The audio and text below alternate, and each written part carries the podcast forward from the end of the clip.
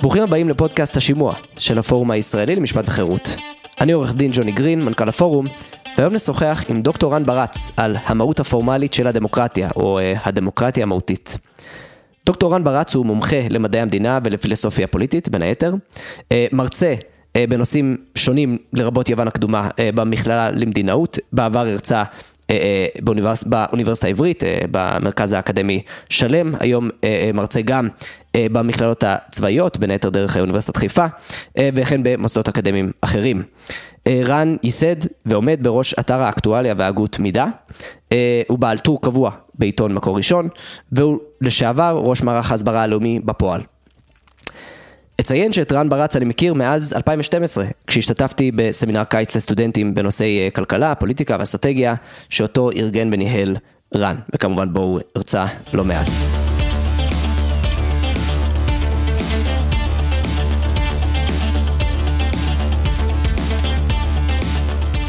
ברוך הבא, דוקטור ברץ. שלום, שמח להיות כאן, ואכן, אנחנו עוד מעט חוגגים עשור להיכרותנו. עשור, זה, זה על בירה. הנושא שלנו היום הוא דמוקרטיה מהותית. טם טם טם. אה, כותרת קצת אה, מפוצצת, נושא רחב, מאתגר, אה, ומטבע הדברים לא נמצה כאן בשיחה שלנו היום את הדיון בסוגיה הזו. לכן אני רוצה להתייחס לשיחה שלנו כמעין טיזר, מבוא נקודתי בו נציג מסגרת של הדיון על מהות הדמוקרטיה ואת ליבתה של הביקורת כלפי המונח דמוקרטיה מהותית והשימוש בו. אנחנו ניתן הקדמה ממש על קצה המזלג. דמוקרטיה מהותית היא מושג במרכזה של הבחנה בסיסית המקובלת בתחום המשפטים בישראל. בישראל. אני שם פה דגש שנייה על תחום המשפטים ועל בישראל ואנחנו מן הסתם נחזור לזה. דמוקרטיה פורמלית לפי הבחנה זו היא שיטת משטר בעלת כללי משחק טכניים מסוימים, כמו בחירות תקופתיות, נציגים בפרלמנט אולי, הכרעת רוב, מובן מסוים של הפרדת רשויות. אלו מאפיינים טכניים, מבניים, אה, אה, אה, שמתמקדים במנגנון הדמוקרטי. לעומתה, דמוקרטיה מהותית היא שיטה בעלת מאפיינים ייחודיים, עם תוכן מוסרי וערכי קונקרטי וספציפי, כאשר מאפיינים עיקריים בין היתר הם אימוץ והכלת זכויות אדם, הגנה על קבוצות מיעוט מובחנות, מתן כוח שלטוני למלומדים בלתי נבחרים כדי למתן החלטות פזיזות או מזיקות במיוחד, וכן הלאה. כאשר יש סתירה בין השניים, כך נטען, יש להעדיף את הדמוקרטיה המהותית, גם אם זה בא על חשבון אה, מאפייני ומרכיבי הדמוקרטיה הפורמלית. כך הטיעון אה, לפעמים במפורש, לפעמים במשתמע, אנחנו נדון בזה עוד רגע. למותר לציין שהשימוש במונח הזה בישראל הוא שנוי במחלוקת ומושא לביקורת, ושמזה כמה עשורים ניטש מאבק לגבי עצם ההגדרה על מהות הדמוקרטיה. רן יסביר לנו שזה קצת יותר מכמה עשורים. הדיון הזה אה, מתקיים ברובו בעולם המשפט ובבתי המשפט בישראל, בין היתר משום שבמשך השנים שופטים ובראשם, ובראשם אהרן ברק נשענו על ההגדרה הזו של דמוקרטיה מהותית כדי לקבל כל מיני החלטות, לגזור כל מיני מסקנות, להעניק כל מיני סעדים וכולי. אני בכוונה מתמצת מאוד, וברור לי שאני לא עושה חסד אה, במיוחד לטיעון הדמוקרטיה המהותית, אבל כן צריך לומר שכמעט כל בוגרת משפטים בישראל מכירה היטב את ההבחנה המדוברת, ואת הטיעונים השונים אה, אה, אה, לגבי מהם בדיוק המרכיבים של הדמוקרטיה המהותית. כלומר, ההבחנה הזו והמונח של דמוקרטיה מהותית לא צריכים להיות זרים לאף בוגר משפטים, נאמר, בואו נאמר מה-30 שנים האחרונות. אז אני אתחיל, רן, בוא נתחיל עם שאלה די בסיסית. למה אני מדבר איתך? כלומר, מה לך, חוקר ומומחה לתיאוריה פוליטית בין היתר, מה לך ולנושא, ולנושא המשפטי הזה של דמוקרטיה מהותית? טוב, אני אתחיל דווקא בתיקון של משהו אחר שאמרת, שקשור אה, לשאלה הזאת. תיארת את הדמוקרטיה המהותית כנושא רחב. בעצם זה נושא מאוד מאוד מאוד צר. כל כך צר שאין לו זכר בספרות המקצועית, הוא פשוט לא קיים. יש הרבה אנשים ששומעים אותי עכשיו שבטוחים שזה לא יכול להיות, מכיוון שהם דנים בזה בלי סוף ולומדים על זה בלי סוף, בעיקר בחוגים למשפטים, אבל גם בעוד חוגים, זה אפילו נמצא בלימודי אזרחות במדינת ישראל. אבל מי שיחפש את המונח הזה בספרות המקצועית, של מדע המדינה, תיאוריה משטרית, פילוסופיה פוליטית ואפילו משפט חוקתי, לא ימצא אותו. וזה פשוט המצאה ישראלית, אני אדבר על זה קצת אה, בהמשך היום, והוא לא קיים, הוא לא, הוא לא, זה לא מושג מקובל, זה לא מושג עם תוכן מוגדר, אף אחד לא באמת משתמש בו בשפה שאיננה עברית, ולכן הדיון הזה מאוד צר, יותר נכון לשאול איך יכול להיות שמושג שלא קיים בספרות המקצועית הפך להיות מושג משטרי מכונן חוקתי במדינת ישראל שנראית כל כך פרובינציאלית כשהיא משתמשת במונח הזה כאילו זה מונח קיים בספרות מקצועית של תיאוריה משטרית כלשהי או, של, או בחוקה כלשהי או משהו כזה. זה פשוט אה, מצחיק. עכשיו לשאלה השנייה שלך שקשורה לזה באמת שאלות פילוסופיות פוליטיות שאלות משטריות אפילו שאלות חוקתיות הן לא שאלות משפטיות בכלל. זה ניכוס של משפטנים של תחום שאני חייב להגיד בצער רב באופן עקרוני הם ברורים בו בצורה מדאיגה מאוד, זאת אומרת דווקא הייתי שמח שמשפטנים יכירו קצת יותר תיאוריות משפטיות ויותר פילוסופיות פוליטיות, אבל בעצם הם מאוד ברורים בזה, וזאת הסיבה שהם מאוד תמימים ומוכנים לקבל בלימודי המשפטים המצאות והבחנות שלא קיימות בספרות המקצועית, כי הם פשוט לא מכירים את התחום הזה, ולכן אפשר להכניס לתוך המושגים איזה תוכן שרוצים. מי שצריך לדון בשאלות האלה זה אנשים שמבינים במשטר. משפטנים לא מבינים במשטר, הם מבינים במשפט. וגם במשפט, הם בדרך כלל לא מבינים בעקרונות ויסודות המשפט מבחינה משטרית. הם מכירים את יסודות ועקרונות המשפט מבחינה משפטית, אבל הם לא מכירים את הדיון המשטרי על יסודות ועקרונות המשפט. ומשפט הוא דבר מאוד חשוב, אבל הוא לא מיוחד, יש לנו בתיאוריה משטרית, הוא אחד ההיבטים החשובים של, של כל משטר, אבל בטח של דמוקרטיות מודרניות. וחשוב מאוד שיכירו את הדיון. לא מכירים, לא יודעים, הם דנים בזה בצורה מאוד צרה, והתוצאות עגומות. אז מה זה אומר באמת כשאתה מדבר על הבורות הזאת לגבי המובנים השונים של הדמוקרטיה, ההגדרה של הדמוקרטיה, קודם כל אם אני מבין אותך נכון, אתה בעצם אומר, ההגדרה של הדמוקרטיה, מהות הדמוקרטיה, זה לא בטריטוריה המשפטית בכלל, זה שייך לטריטוריה אחרת, לדיסציפלינה אחרת, דיסציפלינה שהיא, תקרא לזה מדעי המדינה, או תיאוריה פוליטית, או, או מה שזה לא יהיה. אני רוצה לשאול, כמומחה תיאוריה פוליטית, אה, איך הבורות הזאת באה לידי ביטוי? כלומר, האם זה... טעות לגבי עצם הרעיון הזה של דמוקרטיה מהותית, האם זה חוסר היכרות עם אה, גישות אחרות, איך אנחנו רואים את זה? אפילו כל פעם כשאתה אומר דמוקרטיה מהותית, אני חש אי נוחות. אין מושג כזה, אין דמוקרטיה מהותית. יש, ב, אפשר למצוא בספרות דיונים קצת על מהות הדמוקרטיה, לא יותר מדי. בדרך כלל מישהו יגיד משהו סובסטנטיבי, כן, הוא יגיד למשל, בבחירות חופשיות ועיתונות חופשית, דברים מהסוג הזה, ואני אגיד, זאת מהות הדמוקרטיה. זה כהערת אגב, לא כטענה במושג, מושגית, עכשיו הגדרנו מהי דמוקרטיה, אני אגיד, זה, זאת מהות הדמוקרטיה שעושים כך וכך. אבל אין דבר כזה דמוקרטיה מהותית, יש ויכוח בכלל איך צריך לראות מוסד דמוקרטי. אני, אני אציג את זה, אני אציג את זה בצורה אחרת. דמוקרטיה היא מוסד פוליטי. מוסדות פוליטיים מוגדרים בהגות שהיא פוליטית משטרית. כך היה וכך יהיה. גם היום רוב הדיונים בדמוקרטיה למשל, יש מאז שנות ה-80 דיון מאוד מאוד רחב וחשוב על מה שנקרא Deliberative Democracy. איך אנחנו הופכים את הדמוקרטיה ליותר דיונית, יותר רחבה מבחינת היקף משתתפי הדעות, להפוך אנשים ליותר מיודעים למשמעות של ההחלטות כדי שתהיינה יותר רציונליות, יש, המון דיון בזה. זה, אני לא חושב שזה נושא כזה חשוב, כי אני חושב שיש בו הרבה הנחות מוגזמות, אבל, אבל זה דיון קיים. אם אתה תעשה בספרות, תלך ותעשה חיפוש במנועי מנועי חיפוש של אה, מחקר, Deliberated Democracy יביא לך אלפי תוצאות, מעל עשרת אלפים בטוח, אוקיי? כי זה דיון קיים. אם תחפש essential democracy, substantive democracy או משהו כזה, אפילו essence of democracy, לא תמצא כמעט כלום, זה אין, בטח לא בכותרות, בטח לא בתור נושא, אלא כמו שאמרתי, בהערות אגב.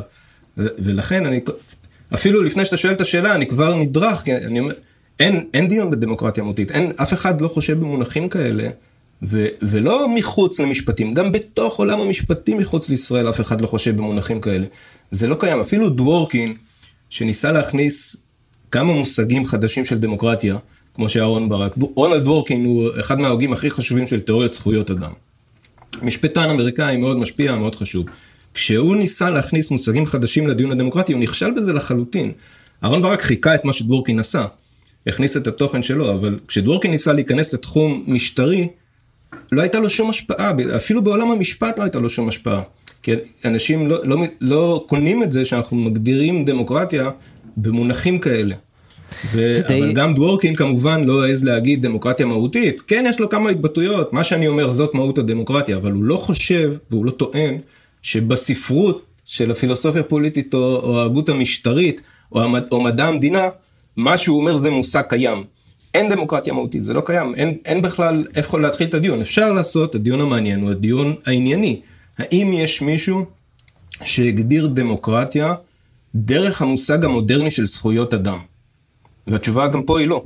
אין דבר כזה. זאת אומרת, לא רק שאין את המושג דמוקרטיה מהותית, אפילו הניסיון להגדיר את הדמוקרטיה כך, לא, לא התקבל בשום מקום. יש דיון, כן, הולך ו, וגובר במידה מסוימת, הקורונה כמובן עצרה את כל הדיונים המעניינים, אבל יש דיון, האם יש קשר בין התיאוריה המודרנית של זכויות אדם והמשטר הקרוי דמוקרטיה.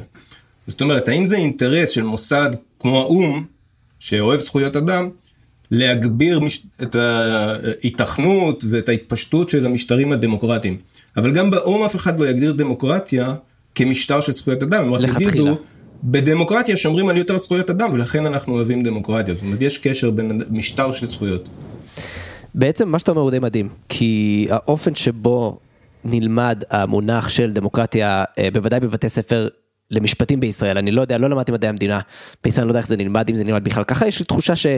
במדעי המדינה אולי זה קיים אבל בגרסה אולי הרבה יותר רכה, אבל בוודאי בבתי הספר משפטיים, א', דמוקרטיה מהותית נלמד כמושג מובחן, מבוסס, עם תוכן ממשי, מעין אה, מעגל סגור כזה, אה, אני לא אקרא לזה תורה מסיני, אבל כן כאילו כאיזשהו קורפוס ממשי ואמיתי של תוכן, הנה מלמדים אותך 1, 2, 3, אלו העקרונות של דמוקרטיה מהותית.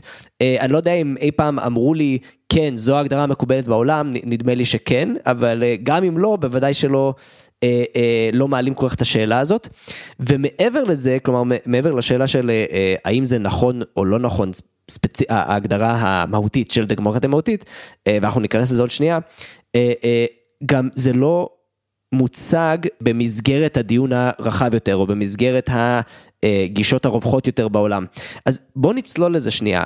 אני רוצה להבין כמה דברים. אחד, מה כן קיים, כלומר מבחינת הניסיונות לאפיין את המרכיבים הבסיסיים של דמוקרטיה, מבחינת הדיון שכן קיים בהגות ובספרות המשטרית, בין אם זה לפני 300 שנה ובין אם זה במאה השנים האחרונות, בין אם זה ב-70 שנים האחרונות, אה, אה, למה כן הצליחו להתכנס, אני, ו- וכמובן אנחנו נראה איך זה שונה מדמוקרטיה מהותית, ואז יש לי עוד שאלה, אבל בוא נתחיל עם זה.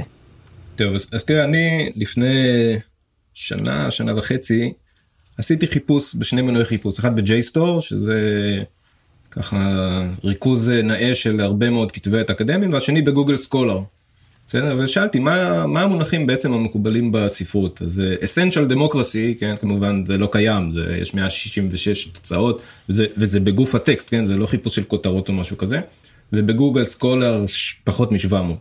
אוקיי, אז הלכתי והגדלתי לעשות, בדקתי גם substantive democracy, כי פעם מישהו אמר לי, לא, הם לא קוראים לזה essential, הם קוראים לזה substantive.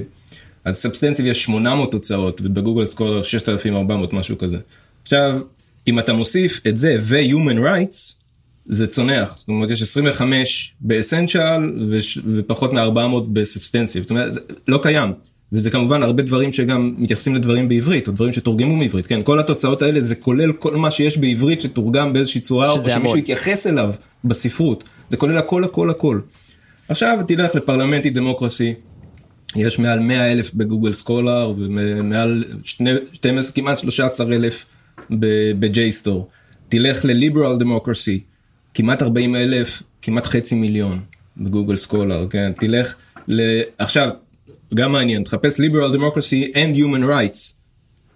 כמעט 13 אלף ב-JSTOR, מעל 100 אלף בגוגל, אתה רואה שיש דיון, אתה רואה שיש כאן משהו, זה, זה רק אינדיקציה. עכשיו, מה עוד? Social Democracy. כן, שזה הניסיון להפוך דמוקרטיה לדבר סוציאליסטי יותר.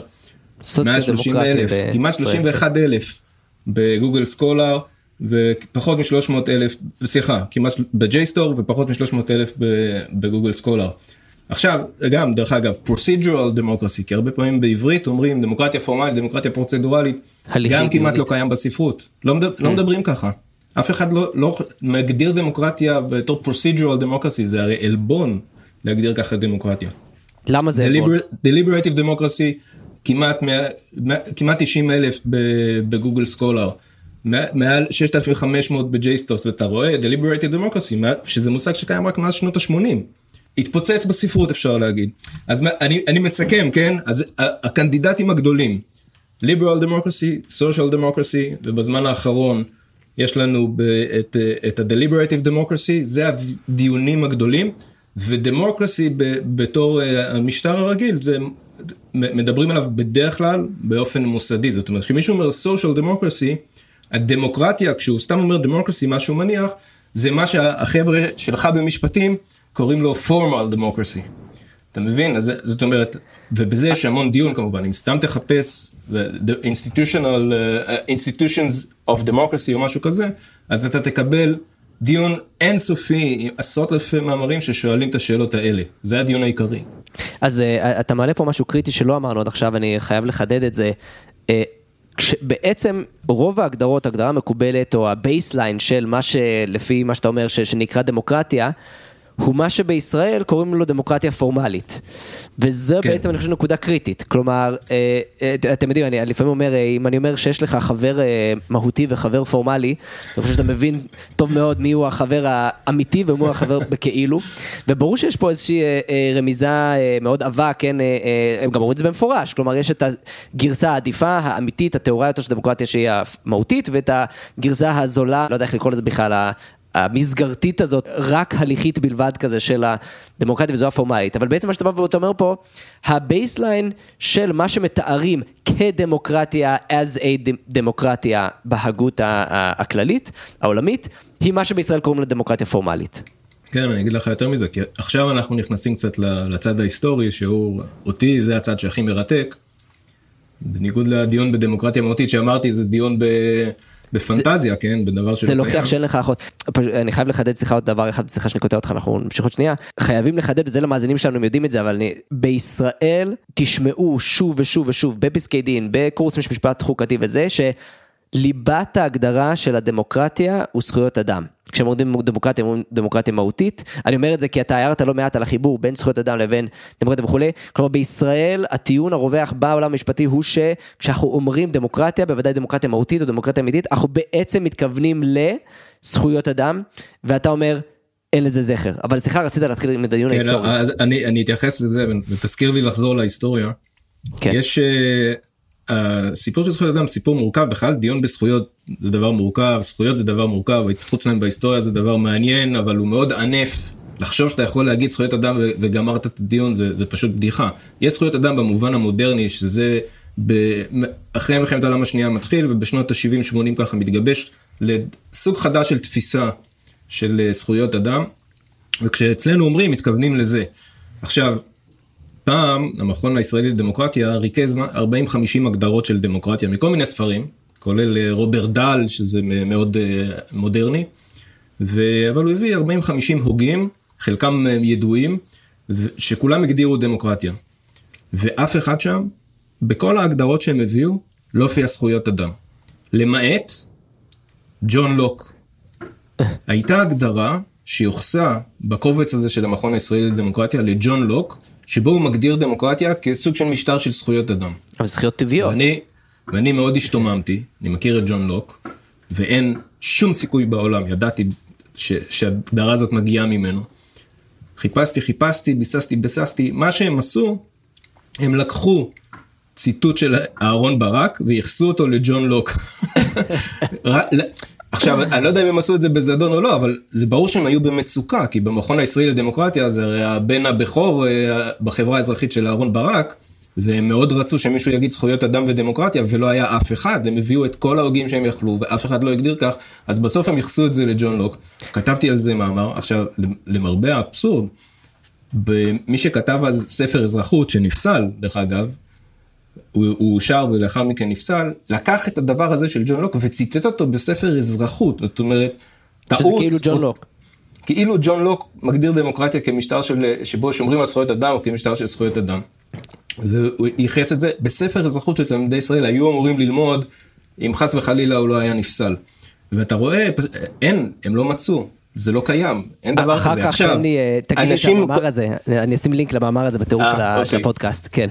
עכשיו, תראה, אנשים הם מתייחסים לדברים האלה בצורה קצת פשטנית, מה אתה טוען שאין קשר בין דמוקרטיה ובין זכויות? ברור שיש קשר בין דמוקרטיה ובין זכויות. מה אתה טוען, שאין קשר בין, אה, ש, שנגיד חופש הביטוי, אני, אני מגדיר דמוקרטיה דרך זכויות פוליטיות, זה למשל חופש הביטוי, חופש ההתאגדות, דברים, חופש ההצבעה, דברים מהסוג הזה.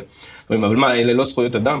אני אומר להם לא, אלה לא זכויות אדם, אלה זכויות פוליטיות. זכויות אדם זה מושג יותר רחב, זאת אומרת, הוא מדבר על זכויות שאתה רוצה שיתקיימו גם במשטרים דיקטטוריים.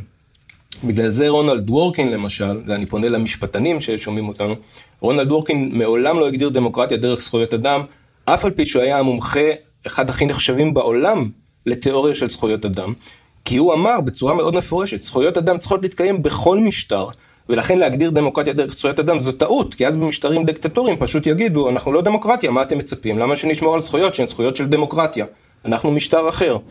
והדבר הזה הוא, הוא, הוא מביך עד כמה שהוא פשטני, וחבל, אני, כן, אנשים קונים את הלוקשים האלה, אבל באמת, פשוט כי הם לא מצויים בספרות. אם הם היו מכירים את הדיונים האמיתיים, אפילו של דוורקין, לא מה המשפטנים שמלמדים אותם אומרים שדוורקין אמר, אלא אם אפילו הם היו קוראים את דוורקין, אומר זכויות אדם זה לא עניין משטרי, זה בכל משטר אנחנו דורשים, הוא אומר זאת עילה למלחמה. שלא שומרים על זכויות אדם מבחינתו זאת עילה למלחמה, זה קאסוס בלי. אז להגדיר עכשיו, אז מה, אתה תכריז מלחמה על כל מי שאיננו דמוקרטיה? ברור שזה לא, לא הכוונה, הוא אומר שזאת לא הכוונה. אז ככה שזה הדיון. אני יכול, לגבי ההיסטוריה, אחת, ואני כן. אעביר לך את החזרה. המוס... בניגוד לדמוקרטיה מהותית, דמוקרטיה פורמלית דווקא מאוד מאוד רווח בספרות.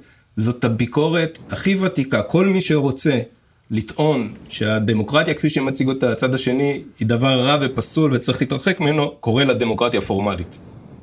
פורמלית זה מעין כינוי גנאי אוטומטי כזה. בדיוק. אה, זה בעצם לא מממש שום דבר חשוב, זה טכני, אבל זה לא מממש שום ערך. האנשים שרוצים לממש ערכים, אז הם נוטים להגיד, הצד השני הוא לא דמוקרטי, זה, זה אולי דמוקרטיה באופן פורמלי, אבל זה לא מממש את הערכים שאנחנו רוצים.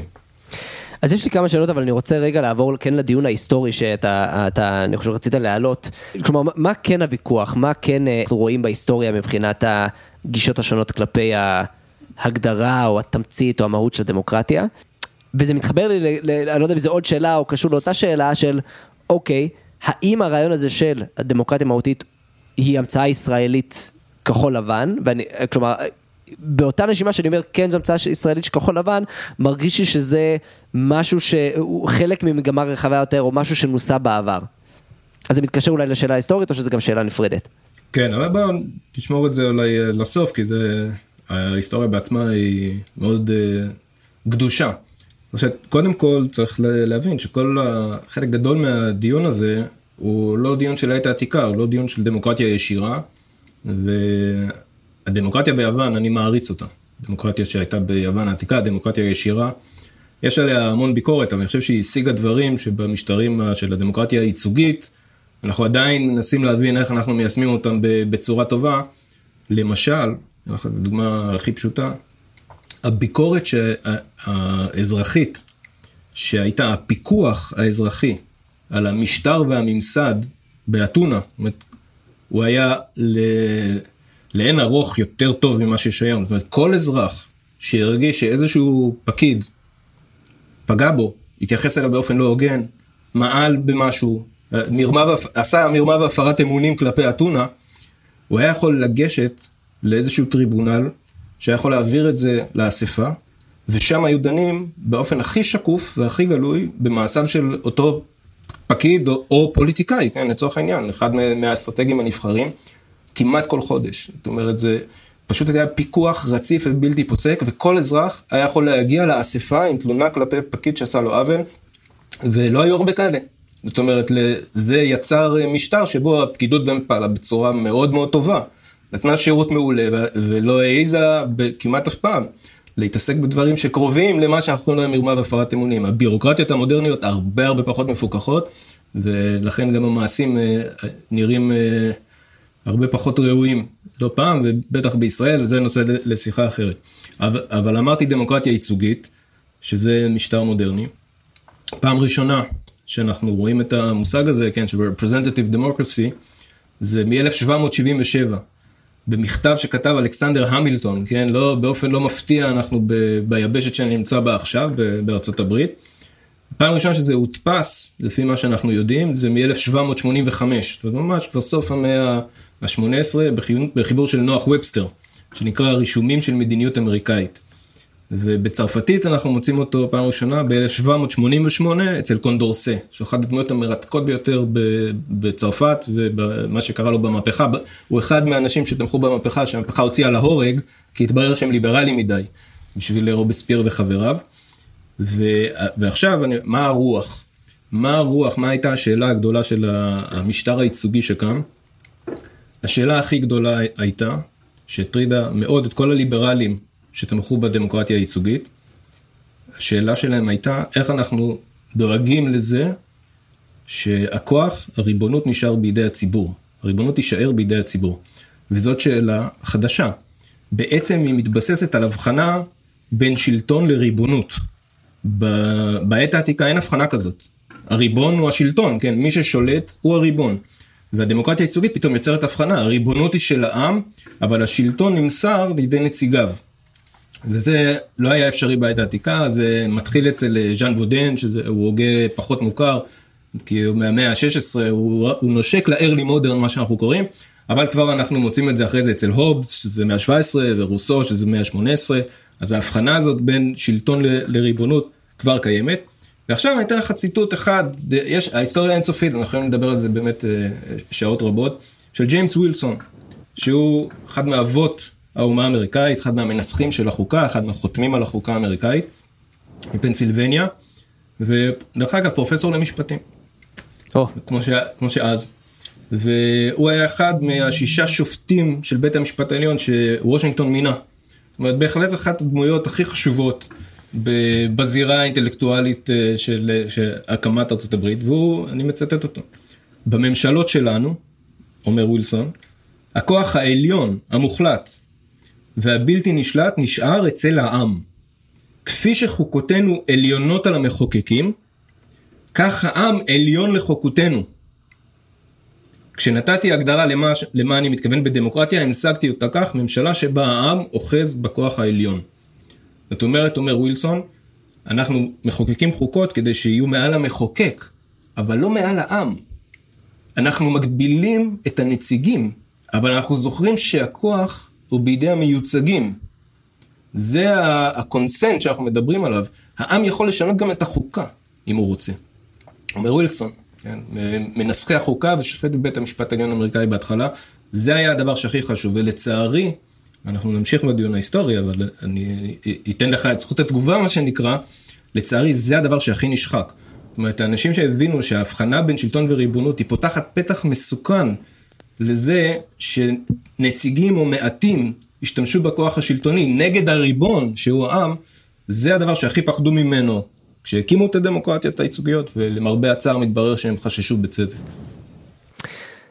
בעצם אה, אה, הפורמולציה הזאת המקורית, או תקרא לזה הבסיסית הזאת של דמוקרטיה כקודם כל כשלטון העם, על אף כל המנגנונים החדשים יותר שבעצם אנחנו נאלצים בלית ברירה לייצר אה, אה, ואולי כמובן יש לזה גם יתרונות משמעותיים וכולי, אבל ב nation state המודרני או במדינות מודרניות גדולות, זה גם דבר, בעצם גם רוברט דאל גם עוסק בזה לא מעט, בשאלת הגודל, כן? בשאלת האילוץ של הגודל, ה size של מדינות אה, מודרניות, ולכן בעצם אין ברירה מאשר לעשות דמוקרטיה ייצוגית, אבל בעצם התובנה הבסיסית הזאת של דמוקרטיה הוא כלשונו.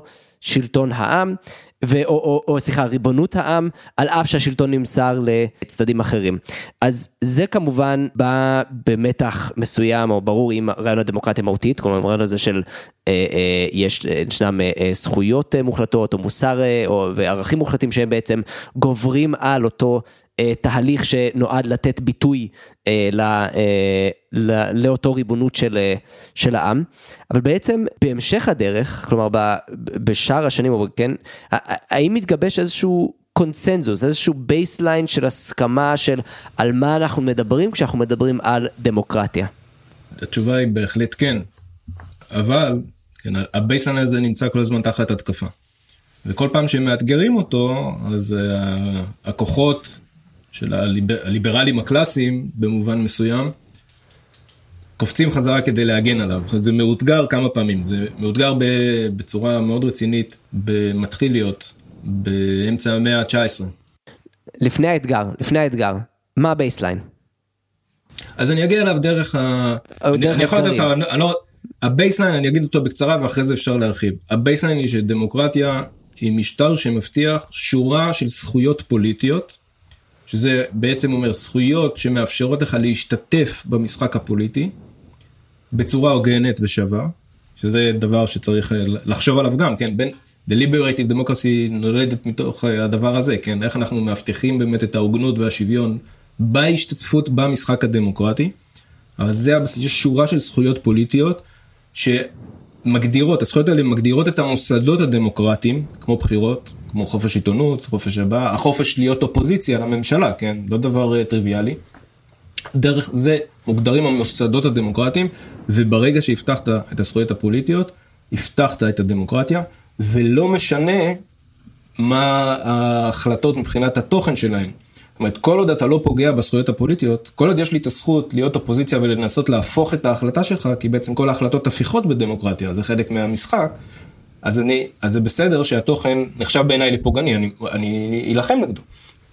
אז זו הבחנה מרתקת וסופר חשובה, כי בעצם מה שאתה אומר פה זה ה baseline שנרקם במשך הדורות האלו, כלומר כבר יש לנו איזה 200-300 שנה, 200-250 שנה שהם מדברים בצורה רצינית על דמוקרטיה אה, בגרסה המודרנית של דמוקרטיה ייצוגית, והקונצנזוס בעולם התיאוריה הפוליטית ומדעי המדינה מתכנס לתוך איזשהו רעיון של מנגנון הדמוקרטיה, כלומר דמוקרטיה היא שיטה או מנגנון או דרך, אה, אה, כן, אה, שיטת משטר, אבל בעצם שמאופיינת על ידי שורה של זכויות. עכשיו, יבוא איש זכויות האדם, אה, סליחה, או איש הדמוקרטיה המהותית ויגיד בדיוק, הנה, זכויות אדם, על זה אני מדבר, אלו זכויות האדם, ואתה בעצם אומר, לא, לא, לא, לא להתבלבל, ופה אני רוצה, אני מדברר אותך, אבל תגיד לי בדיוק איפה אני, איפה אני לא מדייק, אבל בעצם, אם אני מבין נכון, הטענה היא לא.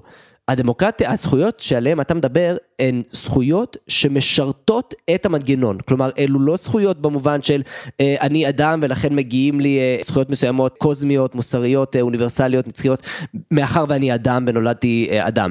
אלא... יש שורה של זכויות די ספציפיות, כלומר שורה די סגורה שאפשר לתחם אותה ב-8, 9, 7, לא משנה, כלומר יש איזשהו גרעין של זכויות, סוג של עשרת דיברות כאלה של זכויות אה, פוליטיות, שהן משרתות את המנגנון ושבלעדיהן אי אפשר לקיים את המנגנון.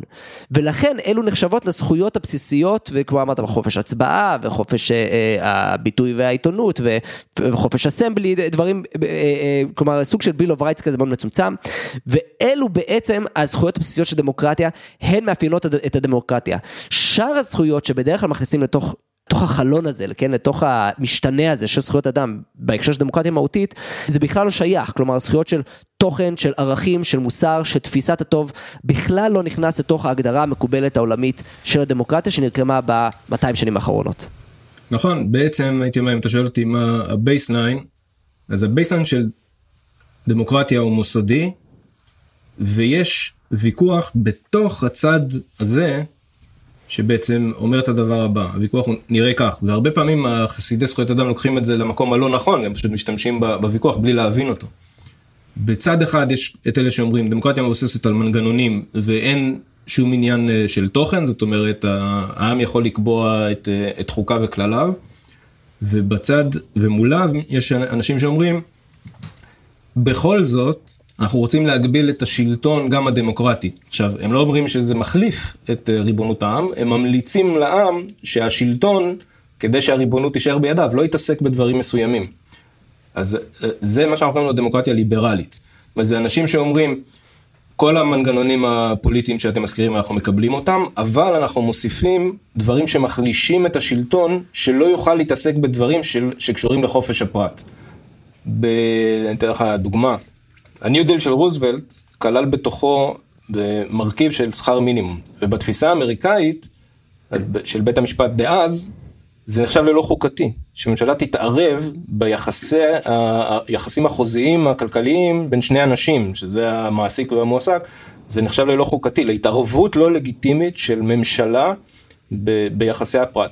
אז זאת התפיסה הליברלית, היא אומרת, ברור שדמוקרטיה זה כל הדברים האלה, אנחנו בוחרים נציגים, אנחנו מסמיכים אותם לעשות כל מיני דברים, אבל אנחנו לא מסמיכים אותם לעשות הכל. ובתפיסה השנייה של דמוקרטיה, היא אומרת, אתה יכול לא להסמיך אותם ואתה יכול להסמיך אותם, כל עוד אתה שומר על המסגרת הפוליטית. זאת אומרת, דמוקרטיה ליברלית היא סוג מיוחד של דמוקרטיה, שאומרת, הרוב מחליט שלשלטון אסור לעסוק בעניינים א', ב' וג'. כי הם נחשבים לעניינים של חברה אזרחית, של זכויות הפרט ודברים מהסוג הזה, זכויות קניין, ואנחנו לא מסמיכים, אנחנו מסמיכים את הממשל לייצג אותנו, אבל לא בדברים האלה.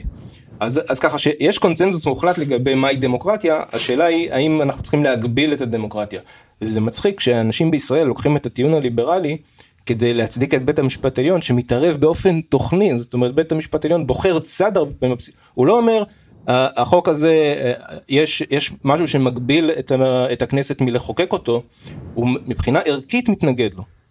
זאת אומרת, הוא לא אומר, היחסי, נגיד, יחסי קניין הם לא בתחומה של הממשלה לפי החוקה כמו שאנחנו מבינים אותה. הוא אומר, לא, החוק הזה הוא סותר את זכויות אדם, ולכן אנחנו פוסלים אותו, זאת אומרת, הוא מתערב. כן. בוויכוח הערכי, סותר, לא צדק, בוויכוח המשטרי, צדק חלוקתי, זה מנוגד לחלוטין לתפיסה הליברלית, כשבית משפט עליון מתערב בוויכוח הערכי ולא בוויכוח המשטרי, זה סותר לחלוטין את מה שהפילוסופיה הדמוקרטית הליברלית הייתה רוצה.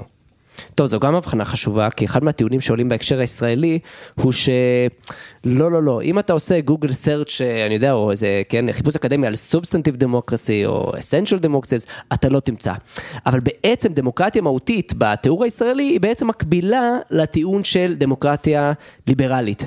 ואני חושב שאתה עכשיו הבאת את הטיעון, או את התשובה לטיעון הזה, שאני גם חושב שהוא מוטעה וחסר יסוד, אבל ש, שבעצם אה, דמוקרטיה ליברלית זה אפשרות אחת, או סגנון אחד, או איזושהי גישה מסוימת לגבי דמוקרטיה, אה, היא גם יחסית נטולת ערכים, כלומר היא לא מנסה לכפות איזה שהן תוצאות ערכיות ומוסריות על הציבור, היא לא יודעת מראש את המסקנה הנכונה לגבי כל מיני דילמות מוסריות וערכיות אה, של תעדוף ואיזון וכולי, אה, אבל היא יותר נוטה להגבלה עצמית של השלטון, כלומר דמוקרטיה ליברלית היא מעין קבלה עצמית כזאת של, ה, של הדמוס, של העם, שאומרת, אני רוצה להגביל יותר את השלטון בכל מיני צורות, כדי שהם לא יוכלו לעשות כל מיני דברים.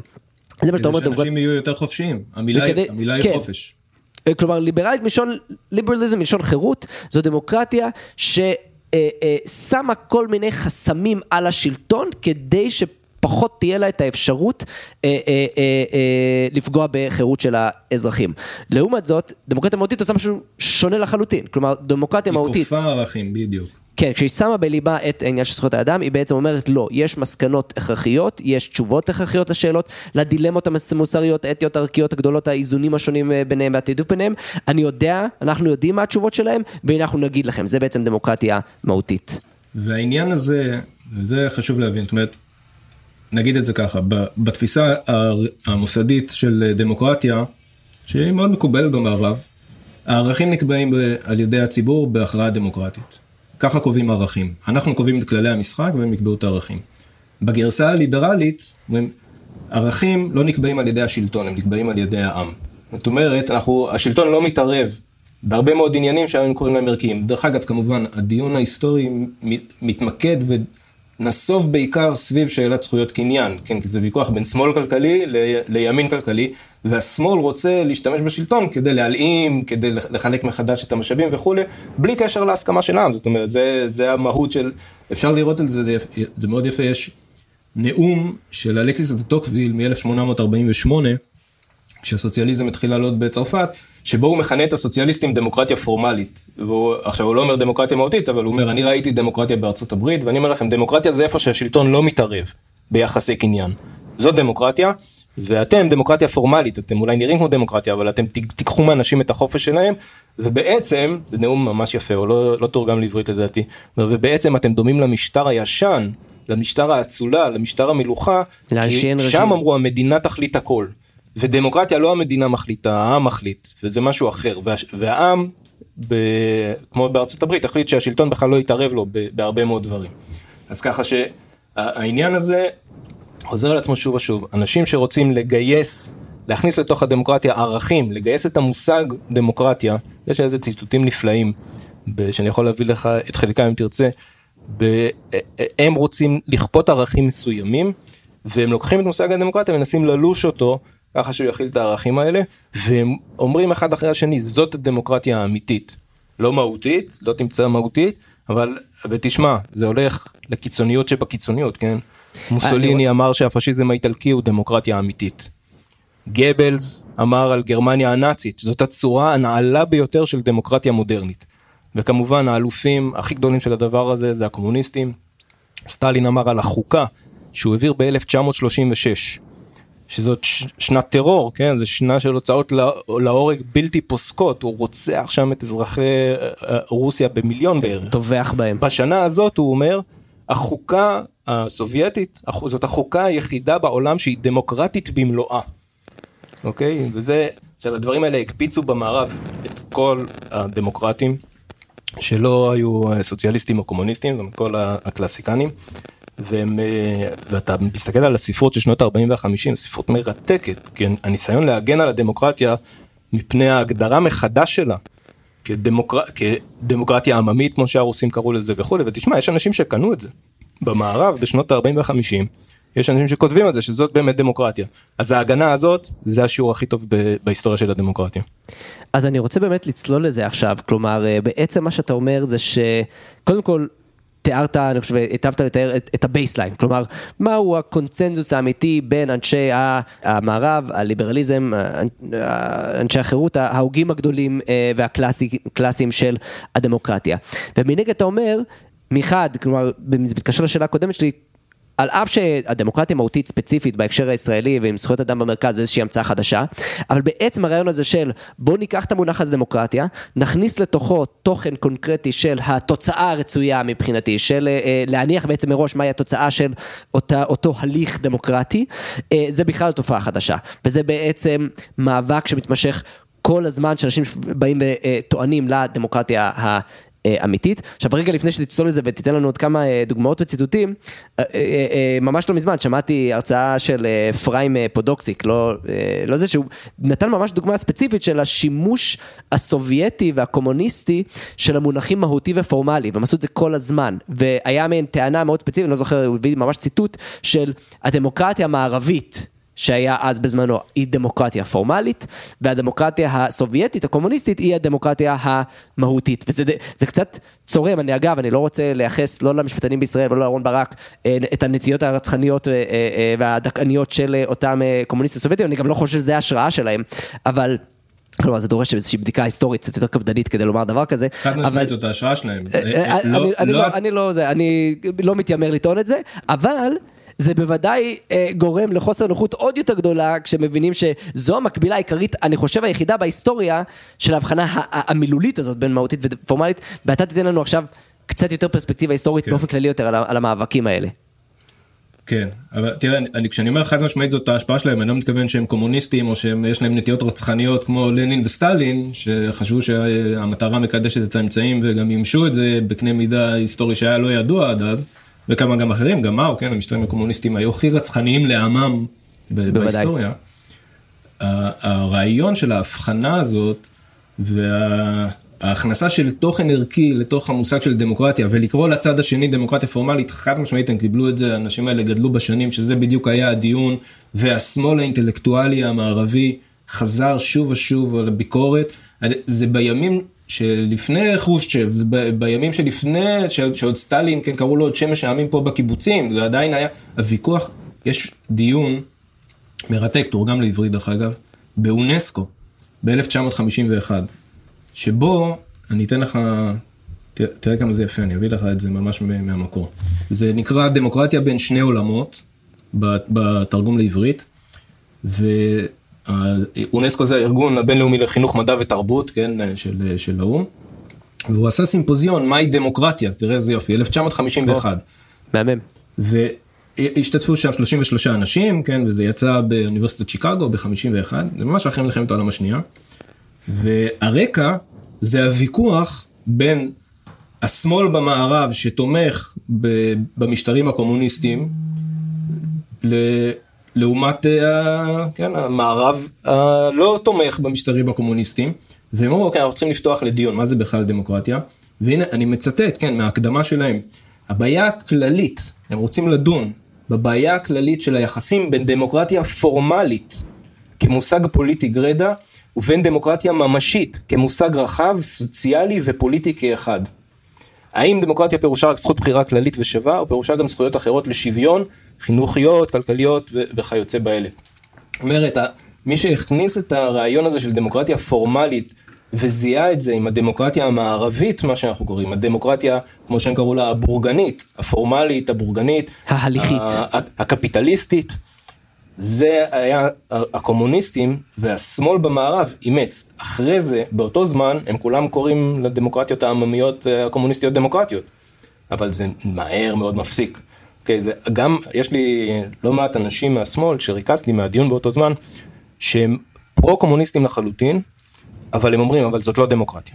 כי דמוקרטיה זה מה שיש במערב, אין מה לעשות, אנחנו לא יכולים להמציא מחדש את המושג, לפחות יש להם את היושר האינטלקטואלי, גם בזה אני יכול להביא לך ציטוטים. אז אתה רואה, הסיפור של דמוקרטיה פורמלית, שחלק מהשופטים גדלו לתוכו, כמו זמיר וברק, זה היה, זאת הייתה זירה אינטלקטואלית פוליטית עולמית באותו זמן, והביקורת על הדמוקרטיה במערב, שהיא הדמוקרטיה כמו שאנחנו אמרנו מקודם, או דמוקרטיה רגילה או דמוקרטיה ליברלית, הייתה שהיא שקר.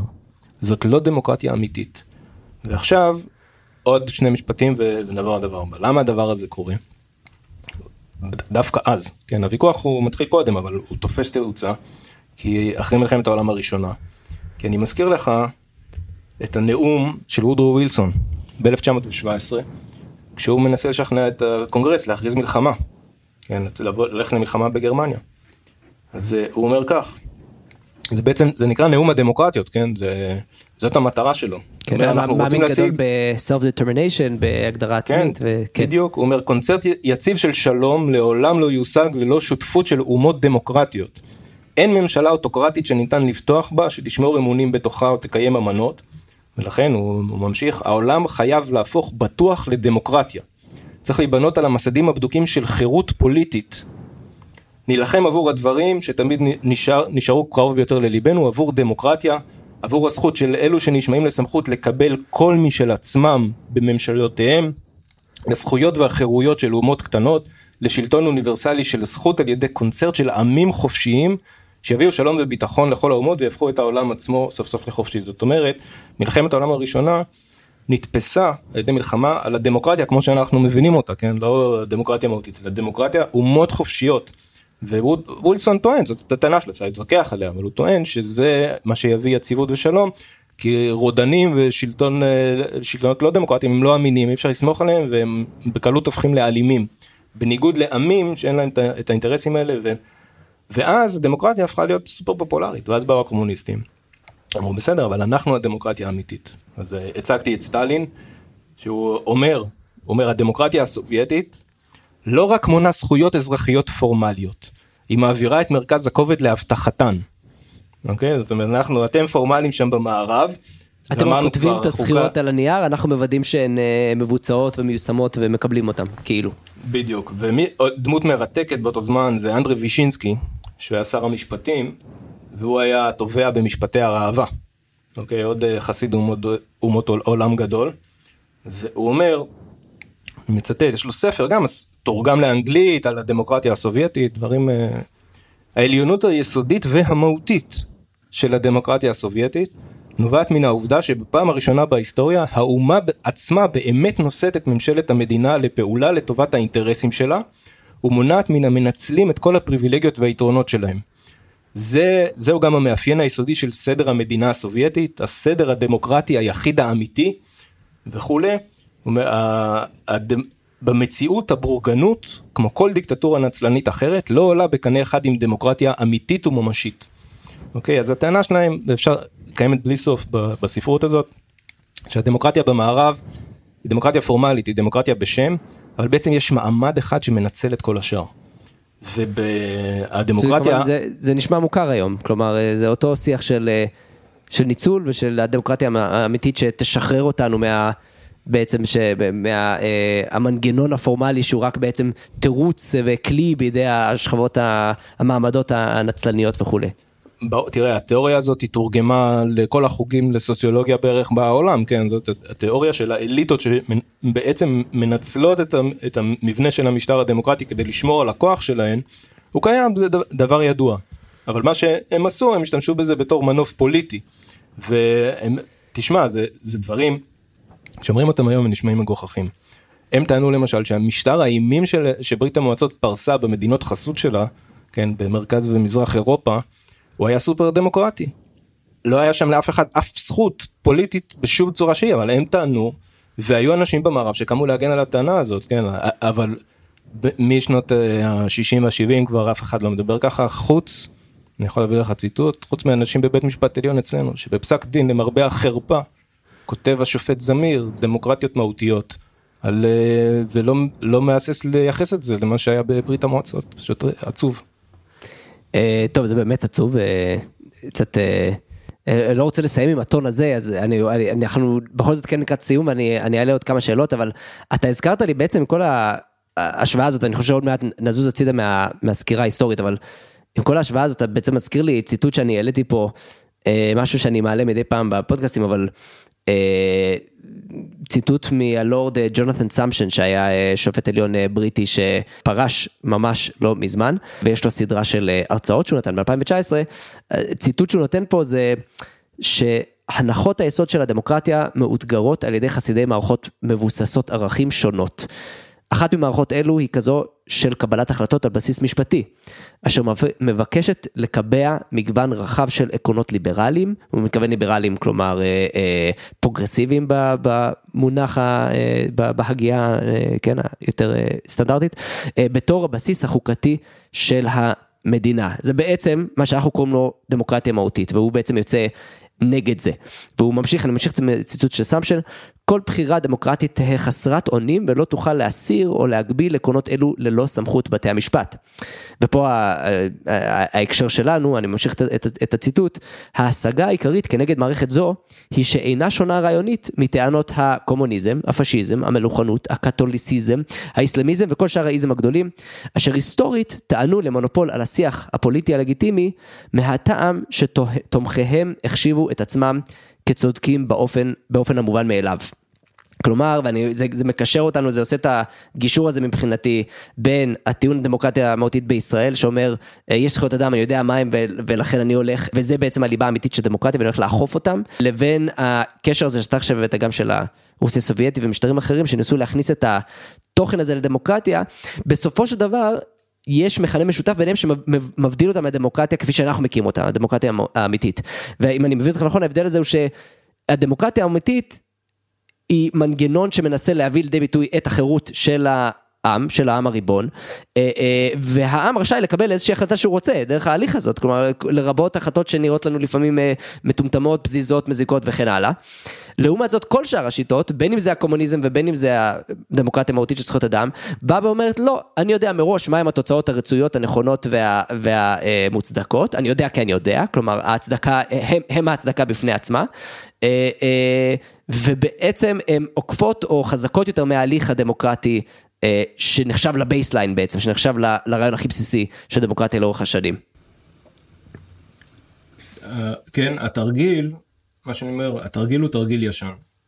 השמאל המודרני, אה, כבר הרבה מאוד שנים, מנסה להשתמש במושג דמוקרטיה כדי להכניס את הערכים שהוא רוצה בכל מיני תירוצים וטוענות. זאת אומרת, זאת לא דמוקרטיה אמיתית, אלא אם כן יהיה שוויון כלכלי. זאת לא דמוקרטיה אמיתית, אלא אם כן אה, נלאים את אמצעי הייצור. יש, יש הרבה תיאוריות והרבה תירוצים מאחורי הדבר הזה, אבל מה שאהרן ברק עשה זה דפוס, הוא אימץ דפוס ידוע מאוד בוויכוח הפוליטי העולמי. עכשיו, אני לא טוען שכולם, נניח באנגליה, כן, זה כמובן ארץ מרתקת מבחינת הדיונים שהתקיימו בה, אני לא טוען שהסוציאליסטים באנגליה היו סטליניסטים, חס וחלילה, אבל הם קיבלו את הביקורת הסוציולוגית של הקומוניזם על הדמוקרטיה, ואז הם ניסו להשתמש, דרך אגב, חלקם יהודים, יש אה, באמת דיון מעניין, והם ניסו להשתמש, למנף את הביקורת הזאת לשינוי משטרי דרך שינוי המושג של דמוקרטיה. זאת לא דמוקרטיה, אלא אם כן תיישמו את הערכים שאנחנו מאמינים בהם. אתם מאמינים בחופש כלכלי, אנחנו מאמינים בהעלמה של אמצעי הייצור, וזאת לא דמוקרטיה אלא אם כן אמצעי הייצור יולמו, כי זה מייצר אי שוויון שהוא סותר את, את הדמוקרטיה כמו שאנחנו מגדירים אותה. אוקיי? אז התרגיל הוא תרגיל ישן. מה שהתרגיל של אהרן ברק הוא תרגיל ישר, ישן. אני אצטט לך למשל קרל בקר מ-41, הוא היסטוריון אמריקאי, והוא אומר דברים, אתה יכול לכתוב אותם היום. דמוקרטיה, כמו חירות או מדע או קדמה, היא מילה כל כך מוכרת לנו, עד שרק לעיתים רחוקות אנו טורחים לשאול למה אנו מתכוונים בה. זהו מונח, כפי שאומרים לנו חסידי הסמנטיקה, שאין לו מושא. אין דבר מדויק או מוחשי או עצם שכולנו חושבים עליו כאשר המילה מושמעת. להפך, זו מילה שאומרת דברים שונים לאנשים שונים, מין מזוודה מושגית, שעם קצת מניפולציה יכולה להכיל כמעט כל אוסף של עובדות חברתיות שאנו עשויים לרצות לשאת בתוכה. אנו יכולים בקלות לארוז דיקטטורה, כן, במזוודה של הדמוקרטיה. כמו כל צורת שלטון אחרת, אנחנו רק צריכים למתוח את המושג והוא ממשיך לפרט. זאת אומרת, מעט מותר, זה, אני הייתי יכול לכתוב את זה על אה, שופט בחברה דמוקרטית של אהרן ברק, בדיוק את אותו דבר. זה מה שאתה, אתה לוקח דמוקרטיה, זה מושג שהוא מאוד, אה, מאוד עמום, כמו כל המושגים הפוליטיים.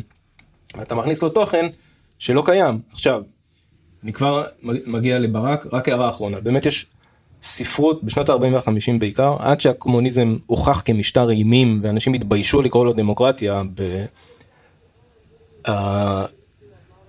ההתקפה של הקומוניסטים עוררה מנגנון תגובה אינטלקטואלי במערב. והספרות הכי טובה של ההגנה על דמוקרטיה נכתבה אז. על ידי אנשים כמו לורד ברייס וארנסט ברקר, אינטלקטואלים באמת ענקים, שפשוט חשו את הצורך הפוליטי להגן על המשטר, שכן כמו ב... בזמן המהפכה הצרפתית הם הרגישו שהמשטר עומד בסכנה כי השמאל אימץ את הדפוסים של התעמולה הקומוניסטית וניסה להגדיר מחדש את הדמוקרטיה כמשטר של שמאל והם קמו. עכשיו הטענה שלהם לא שדמוקרטיה זה ימין או שהערכים שלהם הם הערכים שצריכים לשלוט הם אפילו לא אומרים שדמוקרטיה צריכה להיות ליברלית למרות שהם היו די ליברליים בעצמם במובנים של אז. הטענה שלהם הייתה שהעם יחליט. דמוקרטיה לא כוללת בתוכה את הסדר הכלכלי אז הם קפיטליסטים אתם סוציאליסטים נלך לעם וכל אחד ישכנע זה מה שעושה הדמוקרטיה. אנחנו לא כופים את הערכים שלנו לא של הימין ולא של השמאל אלא אנחנו באים לשכנע את האזרחים שישתמשו בזכויות הפוליטיות שלהם לטובת מה שהם מאמינים בו. ואז יכול להיות שהם יכפו סדר כלכלי סוציאליסטי כן זאת אומרת זה כל, הם הרבה הרבה יותר הוגנים והגונים כי הם מייצרים כללי משחק שהם יכולים להפסיד בהם. השמאל לעומת זאת שוב ושוב מנסה לעצב את כללי המשחק ככה שהוא תמיד ינצח. וזה מה שאהרון ברק עושה עם זכויות אדם. עכשיו אה, באמת משפט אחרון על זכויות אדם. כמו שאמרתי הסיפור הזה של להכניס תוכן ערכי לתוך uh, המילה דמוקרטיה ולנסות להגדיר אותה כשיטת משטר שמשרתת את הערכים שלך זה סיפור ישן. והמונח הכי מקובל בדבר הזה זה social democracy. זה המונח המקובל זה על זה הדיון האם דמוקרטיה כוללת סדר כלכלי מסוים. שבעצם מפקיע חלק מהזכויות, זכויות קניין וקצת זכויות פוליטיות מהאזרחים לטובת משהו שמבחינת חסידי הסושיאל דמוקרסי הוא חשוב. כן, מפקיע את שיקול הדעת שלהם לקבל הכרעות כלכליות מסוימות, כן. הם קצת ניצחו בוויכוח, כן, כל המדינות היום הן מדינות רווחה. זאת אומרת, הם שכנעו את העמים לא לשנות את שיטת המשטר, אבל לאמץ דפוסים כלכליים שבאמת, שהשמאל רצה. וזה קיים בכל המדינות המערביות. זאת אומרת, בתוך המשחק הדמוקרטי הם שכנעו הם לא שכנעו שהמושג של דמוקרטיה כולל את זה, אבל בתוך העולם המערבי הטענה שצריך לארגן מחדש את יחסי הקניין דרך הממשלה מקובלת בכל מקום. לא משנה, אני, אני יש לי קצת ויכוח איתה, אבל אני משאיר אותו בצד, אני אומר, זה, זה עדיין דיון דמוקרטי, מה שהעם רוצה, בסדר, ואם העם משתכנע שצריך לחלק מחדש את המשאבים, לעשות רווחה יותר גדולה וכולי, בסדר, זה זכות, זכותו המלאה, הוא הריבון. מה שעשה אהרן ברק זה משהו אחר. קודם כל הוא פנה לזכויות אדם, שזה ניסיון מופרך לחלוטין להגדיר דמוקרטיה דרך מושג של זכויות אדם. כי כשאנחנו מדברים על יחסים כלכליים אנחנו מבינים את הטיעון. הטיעון אומר למשל, אם יש אי שוויון כלכלי יותר מדי גדול, אז הזכויות הפוליטיות לא באמת מתחלקות בשווה. כי אתה מקבל חינוך, ואתה יודע איך לכתוב, ואתה יודע איך להתבטא, ואתה, יש לך חברים בעלי אמצעים, ואתה יכול לממש את הזכויות הפוליטיות שלך, והעניים לא יכולים. אוקיי, אז זה הטיעון הסוציולוגי. כלומר, אפילו, מה... אפילו הטיעון הסוציאל דמוקרטי, עם התוכן הערכי שלו, הוא בסוף מפנה למנגנון הדמוקרטי. כלומר, בסוף הוא אומר, אני בא להגן על הדמוקרטיה הפורמלית, פשוט אני אומר, בלי 1, 2, 3, אני לא, לעולם לא יהיה לי בדיוק. לא תהיה דמוקרטיה במובן שלך. זאת אומרת זה לא זכות למשפחה או זכות לוואי כלומר זה לא זכות על משפחה זה לא הזכות לעשות סקייטבורד אה, בחוף. זה זה משהו יותר אה, אה, שבכל זאת בא לשרת את, את המנגנון. סליחה תמשיך. בדיוק. זאת אומרת הטיעון המשטרי הוא עדיין נשען על התפיסה המקובלת של של דמוקרטיה אבל הוא מכניס לתוכה תכנים ערכיים בטיעון שהוא בעיקר סוציולוגי כלכלי כזה זאת אומרת אם לא נממש איזושהי חלוקה מחדש כמו שהשמאל רוצה אז בעצם הדמוקרטיה היא תהיה רק פורמלית אוקיי לא תהיה ממשית. מה שאהרן ברק עושה הוא מופרך לחלוטין ולא קיים בשום מקום הוא לוקח שורת ערכים שאין שום נימוק סוציולוגי מאחוריה, אין שום נימוק דמוקרטי מאחוריה, אין שום נימוק היסטורי פוליטי מאחוריה. פשוט תיאוריה שהוא מאוד אוהב של זכויות אדם שאף אחד לא יודע מה היא אומרת, גם הוא לא יודע מה היא כוללת. הרי בתוך בית משפט העליון ובעולם יש ויכוח איזה זכויות בדיוק הן זכויות אדם.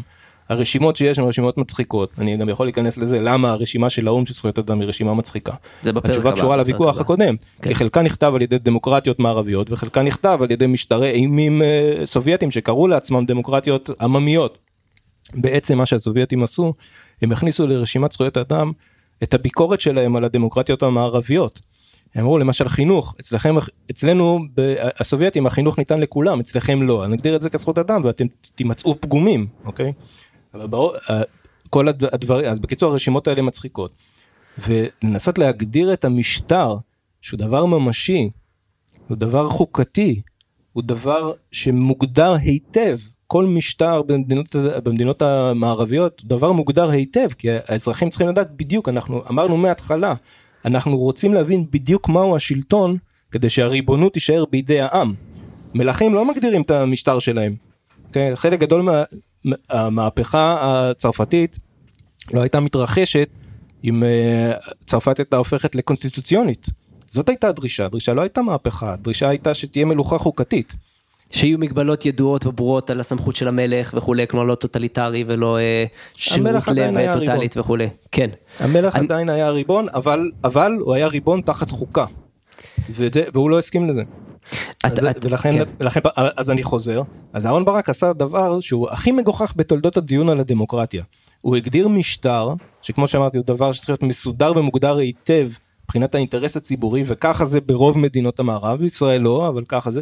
הוא הגדיר אותו דרך מערכת ערכים שהיא הרבה יותר עמומה מאשר המשטר. שאף אחד לא בדיוק, בעצם זה משאיר, ברגע שהמשטר הופך להיות שיטה של ערכים, שרק שופטי העליון באותו רגע יכולים לדעת מהי, ודרך אגב גם הם מחליפים את דעתם מזמן לזמן, זה יוצר משטר שאין כדוגמתו בעולם, וזאת מופרכות אינטלקטואלית כל כך גדולה, שאף שמאל בתולדות הוויכוח על הדמוקרטיה לא העז להעלות בדעתו להשתמש בה. תמיד הטענה של השמאל הייתה אנחנו יותר דמוקרטים לפי ההגדרות המקובלות של דמוקרטיה. באופן שמשרת והדיון- את המנגנון, לא באופן שמחליף כן. את המנגנון. ומה שאהרן ברק עשה הוא המציא מושג של דמוקרטיה שלא קיים והוא לא דמוקרטי בצורה הכי מובהקת שיש ואמר זאת הדמוקרטיה האמיתית זה לא מה שהשמאל עשה השמאל אמר הדמוקרטיה שלנו היא אמיתית כי היא הולכת לפי הערכים שלכם ומממשת אותם יותר טוב. אהרן ברק אומר לא אנחנו הערכים שלנו זה בכלל זכויות אדם זה לא דמוקרטיה. והדמוקרטיה האמיתית זה זכויות אדם. תשמע זה דבר כל כך מופרך הוא לא קשור לדיון אני אומר זה ככל שאני עוסק בזה יותר, ככל שאני קורא את זה יותר, אני, אני אוהב את התחום, זה דיונים שמכניסים לתוכם את כל ההיסטוריה הפוליטית של המאה ה-19 וה-20, אני מבין כמה הדבר הזה מנותק מהמציאות, ורק בפרובינציה אינטלקטואלית אפשר לעשות דבר כזה, זאת אומרת, אם אתה תלך עם זה למקום שיש בו קצת ד- דיון אה, שמבוסס על איזושהי היסטוריה, על איזשהם עובדות פוליטיות, על איזושהי תיאוריה משטרית, זה אנשים יסתכלו עליך בתדהמה, על מה, על מה אתם, ממתי מגדירים דמוקרטיה באופן כזה, זה לא... אה, אה, אתה, כן. הערה אחרונה, כן. הם לוקחים את הביקורת שיש למשל לליברלים על שלטון הרוב. והם עושים את ההפך, והמסקנה שלהם הפוכה למסקנה של הליברלים וצריך להבין את זה.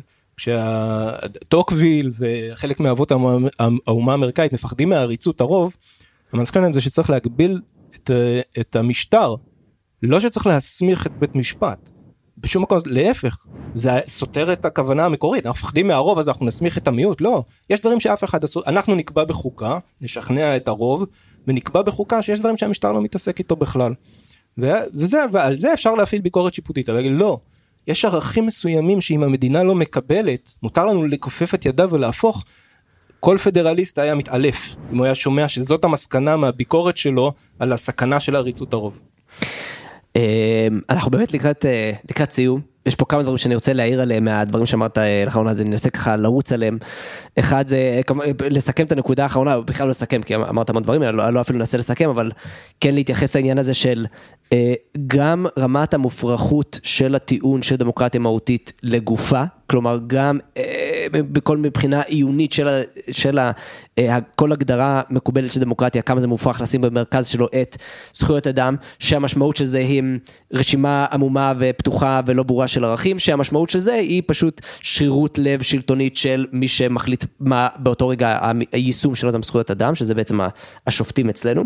אבל... בעצם אה, הפקעה, כן. אני, אני אומר, מה כל כך חמור פה? זאת הפקעה של הריבונות לטובת חלק קטן מהשלטון, זאת אומרת אפילו לא לטובת השלטון. זה המעשה הכי אוליגרכי שאפשר להעלות בדעתו, כן. תחת אצטלה של דמוקרטיה מהותית, כמו שהם קוראים לזה. כן, וזה, זה לא מקרה שהנשיא אה, אה, לשעבר לנדוי, אה, לנדאו בעצם אה, אפיין את, ה, אה, אה, את השלטון המשפטי של בית המשפט העליון אחרי המהפכה החוקתית כאוליגרכיה, אבל אה, זה, אתה מזכיר לי עוד דבר שהמון פעמים כשאני, זה, זה חלק מדיון אה, רחב יותר, או צר, לא, לא צריך תקרא לזה, אבל אני לפעמים אומר לסטודנטים משפטים, שבישראל כשמצמידים את המילה מהות למונח, אז צריך להניח שהם מגדירים משהו שהוא הפוך מהמשמעות המקורית והאמיתית של אותו מונח. כלומר, דמוקרטיה מהותית זה הפוך מדמוקרטיה, זה אה, אה, אה, כן אה, שיקול דעת שלטוני מוחלט לאנשים בלתי נבחרים. אה, שלטון החוק מהותי זה הפוך משלטון החוק, כלומר במקום צפיות, יציבות, ודאות, אה, משהו שידוע מראש, אה, אה, שלטון של חוקים ולא בני אדם, זה שירות לב של משפטנים. אה, צריך חוקה מהותית.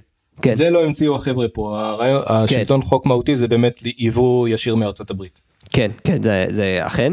אמ, אני כן רוצה להתייחס בחצי מילה לציטוט שהבאת של בקר, כי אני חושב שזה היה מרתק על, ה- על, ה- על הגבולות העמומים והחוסר והמורפיות של המונח דמוקרטיה משתי, משני, שתי זוויות. אחד זה כי זה קצת מסביר ואתה כבר, אתה התייחסת לזה, אבל בעצם למה עושים את זה? למה, אה, כלומר, התשובה נראה לי די ברורה, אבל למה, למה נוקטים בגישה הזאת כדי לכפות את העקרונות, את הערכים האלה, שהם כאילו מובנים מאליהם או מוצדקים בפני עצמם?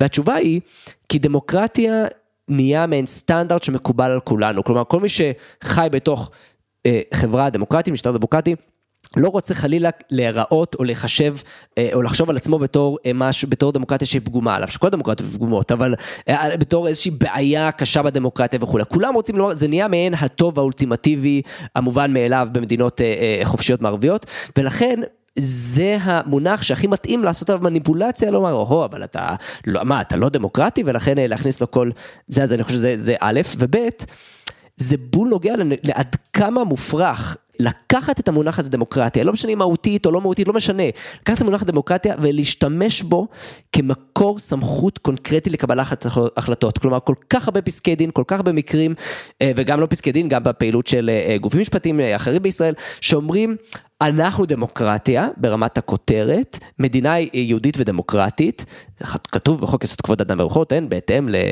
בהתאם לעקרונות ישראל, מדינת ישראל, מדינה יהודית ודמוקרטית, אה, אה, אנחנו דמוקרטית, ולכן אני עכשיו גוזר מסקנות קונקרטיות, ספציפיות, משטריות, כלומר, ולכן אתה תיתן 20 שקל לבן אדם הזה, ולכן לא ניתן לקבל את החלטה X וחייב לקבל החלטה Y, שזה כל כך מופרך, כלומר, זה כמו להבדיל, אני לפעמים אומר את זה, ובזה אני אסיים את ה- ההערה הזאת. זה כמו, אני לפעמים מסביר לישראלים עד כמה זה מופרך, זה כמו לבוא ולומר אנחנו מדינה ציונית, אנחנו מדינה ציונית, ולכן אלה הוראות פתיחה באש. לכן זו המדיניות בשטחים. לכן אה, אה, זה המדיניות הכלכלית שאני הולך לכפות עליך. כלומר, ברור ש... כל העת מתקיים ויכוח על מה זה אומר אה, מדינה ציונית, כלומר ברור שאין לזה שום תוכן קונקרטי שמהמונח הזה ציונית נגיד אפשר לדלות איזה, איזה כלל משפטי מחייב אה, ברור אחיד שאפשר לומר הנה אני עכשיו מיישם את הכלל הזה. אז, אז, אז הציטוט הזה של בקר מאוד אה, העלה לי את זה. יש, טוב, הרבה הערות לסיום, אני מעריך יותר מדי, כל פעם שאומרים לידי את המילה. דמוקרטיה, אנחנו עושים סיום ארוך, סיום ארוך, כן. כן, כל פעם שאומרים לידי את המילה דמוקרטיה, אני נותן הרצאה של שעה, זה לא טוב. אבל תראה. אני אני אצטט לך עוד, אני אסיים אה, באיזה ציטוט אה, שניים שלושה. יש אה, מאמר מאוד נחמד של שני בחורים שנקראים רני ו- וקנדל, שפורסם ב-Western Political Quarterly ב-51, והם אומרים כך, ב-51, העובדה, העובדה היא שדמוקרטיה הפכה בכל העולם למה שפסיכולוגים חברתיים מכנים מילה חולקת כבוד, כן, זו מילה שמעוררת הערכה. היא כמו אמת, צדק והגינות, בכך שהיא מעוררת אסוציאציות כל כך נעימות ברובנו, שאנו רוצים לזהות את עצמנו ואת הרעיונות שלנו איתה. תראה, אז כולם, אחרי מלחמת העולם הראשונה, כולם דמוקרטים, דמוקרטיה זה מושג מ- מאוד אה, חביב ומאוד מכובד, ולכן מה- השמאל מכניס, בעיקר מאז, את רוב התעמולה שלו לתוך הוויכוח, מה זאת דמוקרטיה. ויש, כמו שאמרתי, יש אה, אינסוף, אה, בדיון של שנות ה-40-50, אינסוף התייחסויות לזה שזה מושג עמום, הוא contested concept מה שנקרא, זאת אומרת, יש בו, אה, יש מחלוקת לגבי התוכן, אבל אין מחלוקת לגבי זה שאין דבר כזה דמוקרטיה מהותית שבנויה על זכויות אדם, על זה אין מחלוקת, זה רק בישראל אה, חושבים ש, שיש דבר כזה. אני רוצה לסיים ב... בציטוט של שופטים ישראלים, אני אתחיל בזמיר שהזכרתי מקודם, זה מ-97. הוא אומר שלדמוקרטיה יש מובנים רבים ומגוונים, וזה בפסק דין, כן? אומר, קיימות תפיסות רבות של דמוקרטיה, מדמוקרטיה עממית עד דמוקרטיה מערבית, מדמוקרטיה פורמלית עד לדמוקרטיה מהותית. וגם בדמוקרטיה מהותית קיימות תפיסות שונות של מהות הדמוקרטיה. אני חושב על זה, ששופט בבית המשפט העליון בישראל, שחושב שהוא אדם ליברלי, כותב בפסק דין שיש דבר כזה דמוקרטיה עממית, שכולם מבינים שזה ייחוס של דמוקרטיה למה שהיה משטר האימים הנורא בהיסטוריה של דיקטטורה רצחנית. והוא אומר יש תפיסה כזאת שזו דמוקרטיה. כלומר דמוקרטיה עממית, רק להבהיר למאזינים, דמוקרטיה עממית זה סין וזה רוסיה, ובמיוחד רוסיה הסובייטית, זה דמוקרטיה כן, עממית. המועצות. והוא אומר כן ויש ויכוח האם זאת דמוקרטיה אם זאת זה בלתי נתפס זאת בורות זה פשוט מחפיר ואז הוא אומר מדמוקרטיה פורמלית ועד דמוקרטיה מהותית שכבר אמרתי אין דבר כזה. ואהרון ברק כשהוא מתייחס לזה אז הוא אומר זה בספר שלו מ-2010 על אה, מידתיות הספר אז הוא אומר אחת ההבחנות החשובות לעניין זה היא כן השאלה שלו זה עד כמה מידתיות היא עניין היא דמוקרטית. אחת ההבחנות החשובות לעניין זה היא ההבחנה שבין דמוקרטיה פורמלית לדמוקרטיה מהותית. ואז הדמוקרטיה המהותית מדגישה ערכים המייחדים את הדמוקרטיה וכמובן זכויות אדם. אחת ההבחנות החשובות לעניין זה לא קיימות אף אחד לא עושה אותה. רק אתה עשית את ההבחנה הזאת רק כמה שופטים במדינת ישראל חושבים שיש הבחנה חשובה לעניין זה מגדירים ככה את הדמוקרטיה ואז הכל נהיה דמוקרטי כל מה שהם אוהבים. כמו שאמרנו מקודם מילה יפה. עכשיו אם אתה מתנגד אתה אנטי דמוקרטי אתה רוצה להיות אנטי דמוקרטי אני לא רוצה להיות אנטי דמוקרטי. אז אה, אבל אני העניין באמת הלקח העיקרי שלי מה- מהסיפור הזה הדיון על דמוקרטיה מהותית וזכויות אדם הוא חשוב בהקשר הישראלי. אין לו שום נפקות בדיון אמיתי. דיון משטרי דיון אה, מדע מדינתי זה, זה עניין נקודתי ישראלי שמושתת אה, ברובו על בורות אה, מוחלטת גם בפילוסופיה פוליטית גם במדע המדינה גם בהיסטוריה פוליטית. באמת אין לזה אח ורע בשום מקום. אבל אתה צדקת בהתחלה כשאמרת שיש מגמה כזאת של העברת כוח ריבוני של עמים למוסדות משפטיים בין אם בינלאומיים ובין אם אה, מקומיים כן האקטיביזם המשפטי הוא מקבל יותר ויותר הכרה בעיקר על ידי השמאל כמובן ו- וכך גם המוסדות הבינלאומיים. ככה שמה שעשה אהרן ברק הוא נשען על מה שהוא זיהה בתור איזושהי מגמה עולמית זאת אומרת מה שהוא אמר לעצמו כשאני עושה את. המהפכה החוקתית וכבר, אה, הרבה הרבה מחשיבים אותו כמוביל את המגמה הזאת במקום מסוים או לפחות כבחלוץ או אה, כן אה, כן, תשמע, גם את. הדבר הזה בדקתי, בישראל כן. חושבים שהוא מוביל משהו, הוא לא באמת מוביל שום דבר, יש, הוא לא, הוא לא כן. הוגה משפיע, הספרים שלו לא משפיעים, בדקתי פשוט באמצעים מקובלים של השפעה, כן, בדק, דרך אגב אני הופתעתי לרעה, אני חשבתי שהוא הרבה יותר משפיע ממה שאנחנו חושבים, זאת אומרת, אה, ממה שאני חושב, זה חלק מהפרובינציאליות הישראלית. כן כן הוא, הוא, הוא לא יותר משפיע למשל מזאב שטרנל. אוקיי זאב שטרנל אני מניח שהרבה אנשים לא יודעים מי זה בכלל ואם הם יודעים זה באיזשהו הקשר פוליטי. אבל אה, והוא הוגה לדעתי לא מאוד אה, מוצלח יש לו תיאוריות על, אה, על ההשכלה כן הנאורות והוא משפיע בערך כמו אהרן ברק מבחינת מדדי השפעה. אוקיי זה מדהים. אז ככה שאהרן ברק הרבה פחות משפיע אבל בישראל הוא כמובן גור שעושה הכל. אז אני מסכם אז הדיון הזה הוא חשוב בהקשר הישראלי. אבל מי שבאמת רוצה לעסוק בשאלה של דמוקרטיה ומה אבני היסוד של הדמוקרטיה ואיך מגדירים משטרים דמוקרטיים ורוצה להתעסק בדיון הזה בצורה באופן אינטליגנטי כפי שעושים בעולם ויש דיון מאוד אינטליגנטי בין ימין ושמאל ויש ויכוח על אה, איך אנחנו מממשים את ההבטחה של דמוקרטיה של שוויון פוליטי שכולל בתוכו לדעת חלק מהאנשים גם תיקונים סוציאליים אז הוא צריך לצאת מהגבולות של השיח המשפטי המטופש כאן שהוא אוליגרכי לחלוטין והוא לא מקובל בשום מקום בעולם. והוא משפיע כן זה, זה רידד למשל מאוד את הדיון על אקטיביזם משפטי. זה רידד אותו. במקום שהדיון הזה יהיה דיון מעניין כמו שבעולם יש דיון מעניין על המעמד של בית משפט הוא הפך בישראל לוויכוח מטופש כאילו בין דמוקרטים ללא דמוקרטים. זה, ויכוח עלוב אין בו טיעונים רציניים כי כל אחד בטוח שאני דמוקרט אז אני לא צריך אתה לא דמוקרט. אנחנו לא, לא מתווכחים דמוקרטים לא מתווכחים עם פשיסטים. זה לא לא עובד ככה. אין טיעון פשיסטי שישכנע אותי נכון? אז, אז הוויכוח נהיה עלוב ומאוד מאוד פוליטי. אז אני מציע לסיכום אני מציע קצת מי שרוצה שיפנה אליי יש חיבורים אמנם לא מתורגמים לעברית רובם אבל חלק גם קצת בעברית יש חיבורים מאוד מעניינים על הנושא הזה דמוקרטיה זה משטר מדהים יוצא דופן בהיסטוריה. דמוקרטיה ייצוגית היא בכלל סוג של פלא אנושי שאף אחד לא חשב שיהיה אפשרי בעולם ובמידה רבה הוא מאותגר מאוד זאת אומרת זה החשש היה לו היה בו צדק וכדאי מאוד ללמוד אותו. מי שמתעניין במשטרים מי שמתעניין גם במשפט מי שמתעניין בתיאוריות חוקתיות ותיאוריות משטריות חייב להכיר את הוויכוח הזה. השתתפו בו אנשים מאוד חכמים והוא מרתק גם ההיסטוריה וגם ההגות ובזה אני מסיים. זה סיכום אה, סיכום נהדר. בעצם אתה אומר צא ולמד ולמשפטנים בישראל ולמי שעוסק בנושא הזה ומי שבעצם מאזין ומופתע ואומר רגע אבל אני למדתי דמוקרטיה מהותית וכולי ואיך זה ייתכן?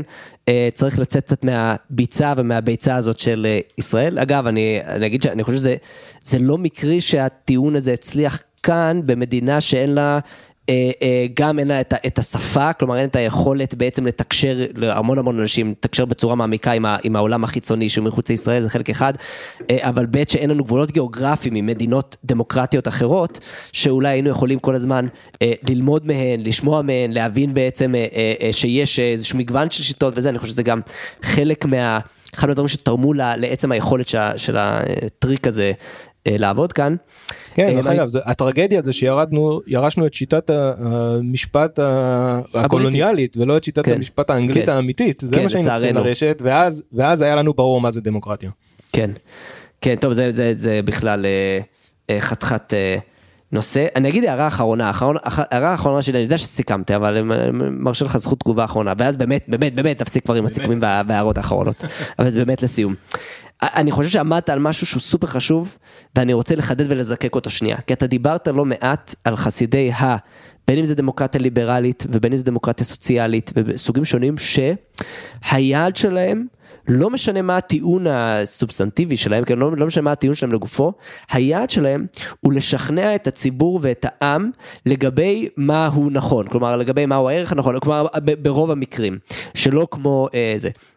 ובתוך דמוקרטיה מהותית, הגרסה הישראלית, כלומר בתוך דמוקרטיה הישראלית הכחול לבן, יש פיצ'ר ייחודי שכן מבדיל אותו מהמון מהדברים אחרים, בוודאי מדמוקרטיה ליברלית, והוא שא', הוא, הוא, הוא, שם כמעין נקודת מוצא את הכפייה של הערכים האלה, כלומר אני לא שואל אותך, אני לא בא לשכנע אותך, אלא אני בא לומר לך ולכפות עליך על מהם הערכים ומה התוצאות הנכונות, ואני רוצה לזקק את זה עוד יותר, בצורה יותר מפורשת, בתוך הטיעון של דמוקרטיה מהותית, יש מנגנון אכיפה עצמי. הטיעון של דמוקרטיה מהותית כולל בתוכו את, ה, את הטיעון הזה, את האמירה, את האקסיומה הזאת, שבית משפט, או בתי משפט, שופטים, בית משפט עליון, הוא זה שאוכף את הדמוקרטיה המהותית. כלומר, השומר האחרון, האביר הסוס הלבן האחרון של הדמוקרטיה המהותית, הוא בית המשפט, והוא זה ש... נתונה לו הסמכות האוטומטית הנצחית להיות אה, אה, האוכף והמוציא לפועל של הדמוקרטיה המהותית. וזה עוד divergence, אני חושב עוד שינוי, עוד סטייה super super חשובה, כי בסופו של דבר כל הטיעונים על דמוקרטיה מהותית, הייתי מוכן לקבל אותם, לא להסכים אותם, אה, אה, אה, אבל לקבל אותם כלגיטימיים, אם הם היו מתקיימים במסגרת ויכוח שהיה מתנהל בתוך אספה המכוננת, בתוך המחוקק, בתוך ועדת חוק חוקה ומשפט, בתוך ועדה אקדמית של בואו ננסה להגדיר את החוקה הישראלית, בואו ננסה להגדיר מהם היסודות המוסכמים של הדמוקרטיה הישראלית, אבל זה לא, זה לא מתקיים שם, זה מתקיים בתוך מנגנון האכיפה האמיתי, הממשי, של בתי המשפט בשל פסקי דין מחייבים ושם אתה בא ואומר אני לא בא לשכנע אותך אני לא בא לומר אה אוקיי בוא תסכים עם הטיעון שלי שכנעתי אותך בוא נלך לעם העם יצביע נקבע חוקה ולפי החוקה הזאת נהיה הדמוקרטיה המהותית האולטימטיבית ever אבל לא זה, זה מנגנון אכיפה עצמית של כפייה וזה מה שאני חושב מבדיל אותו מאוד כלומר שמעתי אותך אומר את זה כזה בין השורות אבל אני רוצה כזה למשוך את זה החוצה ולזקק את זה. כן אז, אז אני מסייג קצת את מה שאתה אומר כי אני מכיר את שנות ה-20 וה-30. ובעולם המערבי חלק מהנציגים של, של השמאל, שהושפעו מאוד כמובן מהתעמולה הרוסית, הם אה, לא היו כאלה סובלניים ודמוקרטיים כמו, ש, כמו שהיינו רוצים, והם הואשמו בנטיות אה, טוטליטריות ודיקטטוריות אה, מפלגתיות, לא אישיות, כן? למשל הרולד לסקי, שהיה כלכלן יהודי מאוד מאוד חשוב ומאוד מאוד משפיע. יש טענה אפילו שהוא השפיע על גנדי ותקע את הכלכלה של הודו ל-40 שנה לעוני מחפיר שהם רק מאז שנות ה-80 מתחילים לצאת ממנו. אבל אז הוא למשל כתב ספר על דמוקרטיה בשנות ה-20 ושם הוא הואשם בנטיות אה, מאוד מאוד לא ליברליות ולא דמוקרטיות, בטענה שצריך לקחת, אה, כן, רמיזות, שצריך לקחת את השלטון בכוח כדי לעשות פה סדר. אני עושה חסד עם, ה, עם הרצון לשכנע של, ה, של הקודמים. כן, אבל, אה, קצת. בשנות ה-20 וה-30 התעמולה של השמאל הייתה מאוד מאוד אגרסיבית, עד כדי חריגה מכללי המשחק המקובלים. זאת אומרת, לסקי קיבל ביקורת קשה מאוד, הוא חטף על הראש חזק. אז בשנות ה-20 וה-30 היו נטיות ככה מהפכניות. לחלק מהשמאלנים הרדיקליים אבל גם הרבה מאוד שמאלנים כמובן ביקרו בעצמם דברים כאלה ואמרו אנחנו מאמינים בסדר סוציאלי שונה כן יש לנו תיאוריה כלכלית אחרת תיאוריה פוליטית אחרת אבל בדרכי שכנוע ודרך המנגנונים הדמוקרטיים. אז בזה זה נכון וגם אמרתי מקודם גם בשנות ה-40 וה-50 היו אנשים ישרים בשמאל שאמרו אנחנו מאוד אוהבים את מה שקורה בברית המועצות אבל דמוקרטיה זאת לא. ואני מקבל את זה. אני הייתי מצפה למידה שווה של יושר ממשפטנים בישראל, אבל אני חושב שהבעיה שלהם, כמו שאמרנו, כל, אני טוען כל הזמן, זאת לא בעיה של היעדר יושר, הם באמת מאמינים במה שהם אומרים, כי הם פשוט בורים. הם לא מכירים, לא תיאוריה פוליטיות, לא היסטוריה פוליטית כמו שצריך, הם לא מכירים את הדיונים האלה, והם לא מבינים שהם שמים את עצמם בדיונים ההיסטוריים האלה בצד של הרעים. איך אנחנו יודעים שהם בצד של הרעים? קודם כל, כי החבר'ה האלה כמו הרודלסקי הם אה, שיתפו פעולה עם שלטון שהתברר בדיעבד הם לא אשמים בזמן אמת שהתברר בדיעבד כשלטון אימים. כאנטי מוחלט לכל מה שהם בעצמם היו מאמין, רוצים להאמין בו כולל שוויון כלכלי. אני חושב שברוסיה היה שוויון כלכלי וזה נכון שהרוב היו עניים בצורה שווה אבל היו מעמדות וברוסיה מי שהיה מקורב לשלטון אה, חי חיים בוא. שונים ממי שלא היה מקורב השווים והשווים יותר. אז אז בדיוק. אז ככה שהם שוב ושוב מזוהים עם הצד הלא נכון, כן, אנשים שמנסים להפוך את הדמוקרטיה לשלטון ערכים ולא לשלטון של אנשים, הם שוב ושוב נמצאים בצד הלא נכון של ההיסטוריה, והדבר הזה, אם זכויות אדם היה רעיון אמיתי, שמישהו חושב שהוא מקובל והיה מתבסס כשיטה באיזשהו מקום בעולם, גם שם זה היה מתברר לבסוף כשלטון אימים, אנטי ליברלי, אנטי דמוקרטי, שבו אנשים הולכים חפים מזכויות, חסרי יכולת להשפיע על עתידם, גם האישי וגם הלאומי, ואף אחד לא היה מתקנא בשיטה כזאת ורוצה לאמץ אותה. אני חושב שבסוף גם השמאל שלנו יגיע למסקנה הזאת, אני מקווה לפחות, ולו רק בזכות קצת לימוד. אז נשאר עם המסקנה הזאת, אה, ושנחזור עליה עוד פעם, של, של לצאת וללמוד. אה, בזה נסיים, יצא לנו ארוך מהמצופה, אבל אני חושב אה, מצוין, תודה רבה רבה לדוקטור רן ברץ מארצות הברית כרגע. נכון, טוב, נחזור עוד מעט, תודה רבה לך, אני נחגוג את העשור להיכרותנו, אני מקווה שבאמת נחגוג על בירה בישראל כבר. מצוין, בעזרת השם. תודה רבה לכל המאזינים, אזמין אתכם להצטרף לפורום הישראלי למשפט וחירות, לעשות לנו לייק לעמוד הפייסבוק, ולהצטרף כחברים באתר שלנו, לא פורום.org.il. נשמח תמיד לקבל כל פידבק, המלצות לנושאים ולמוראיינים, הצעות לפעילות של הפורום וכל דבר אחר. לבסוף אזכיר שהפורום לא נוקט עמדה רשמית בסוגיות אקטואליות ואינו תומך במהלכי מדיניות ספציפיים. כל עמדה או דעה המוצגת במסגרת הפעילות שלנו היא של מביע העמדה או הדעה בלבד. זהו, נשתמע בפרק הבא.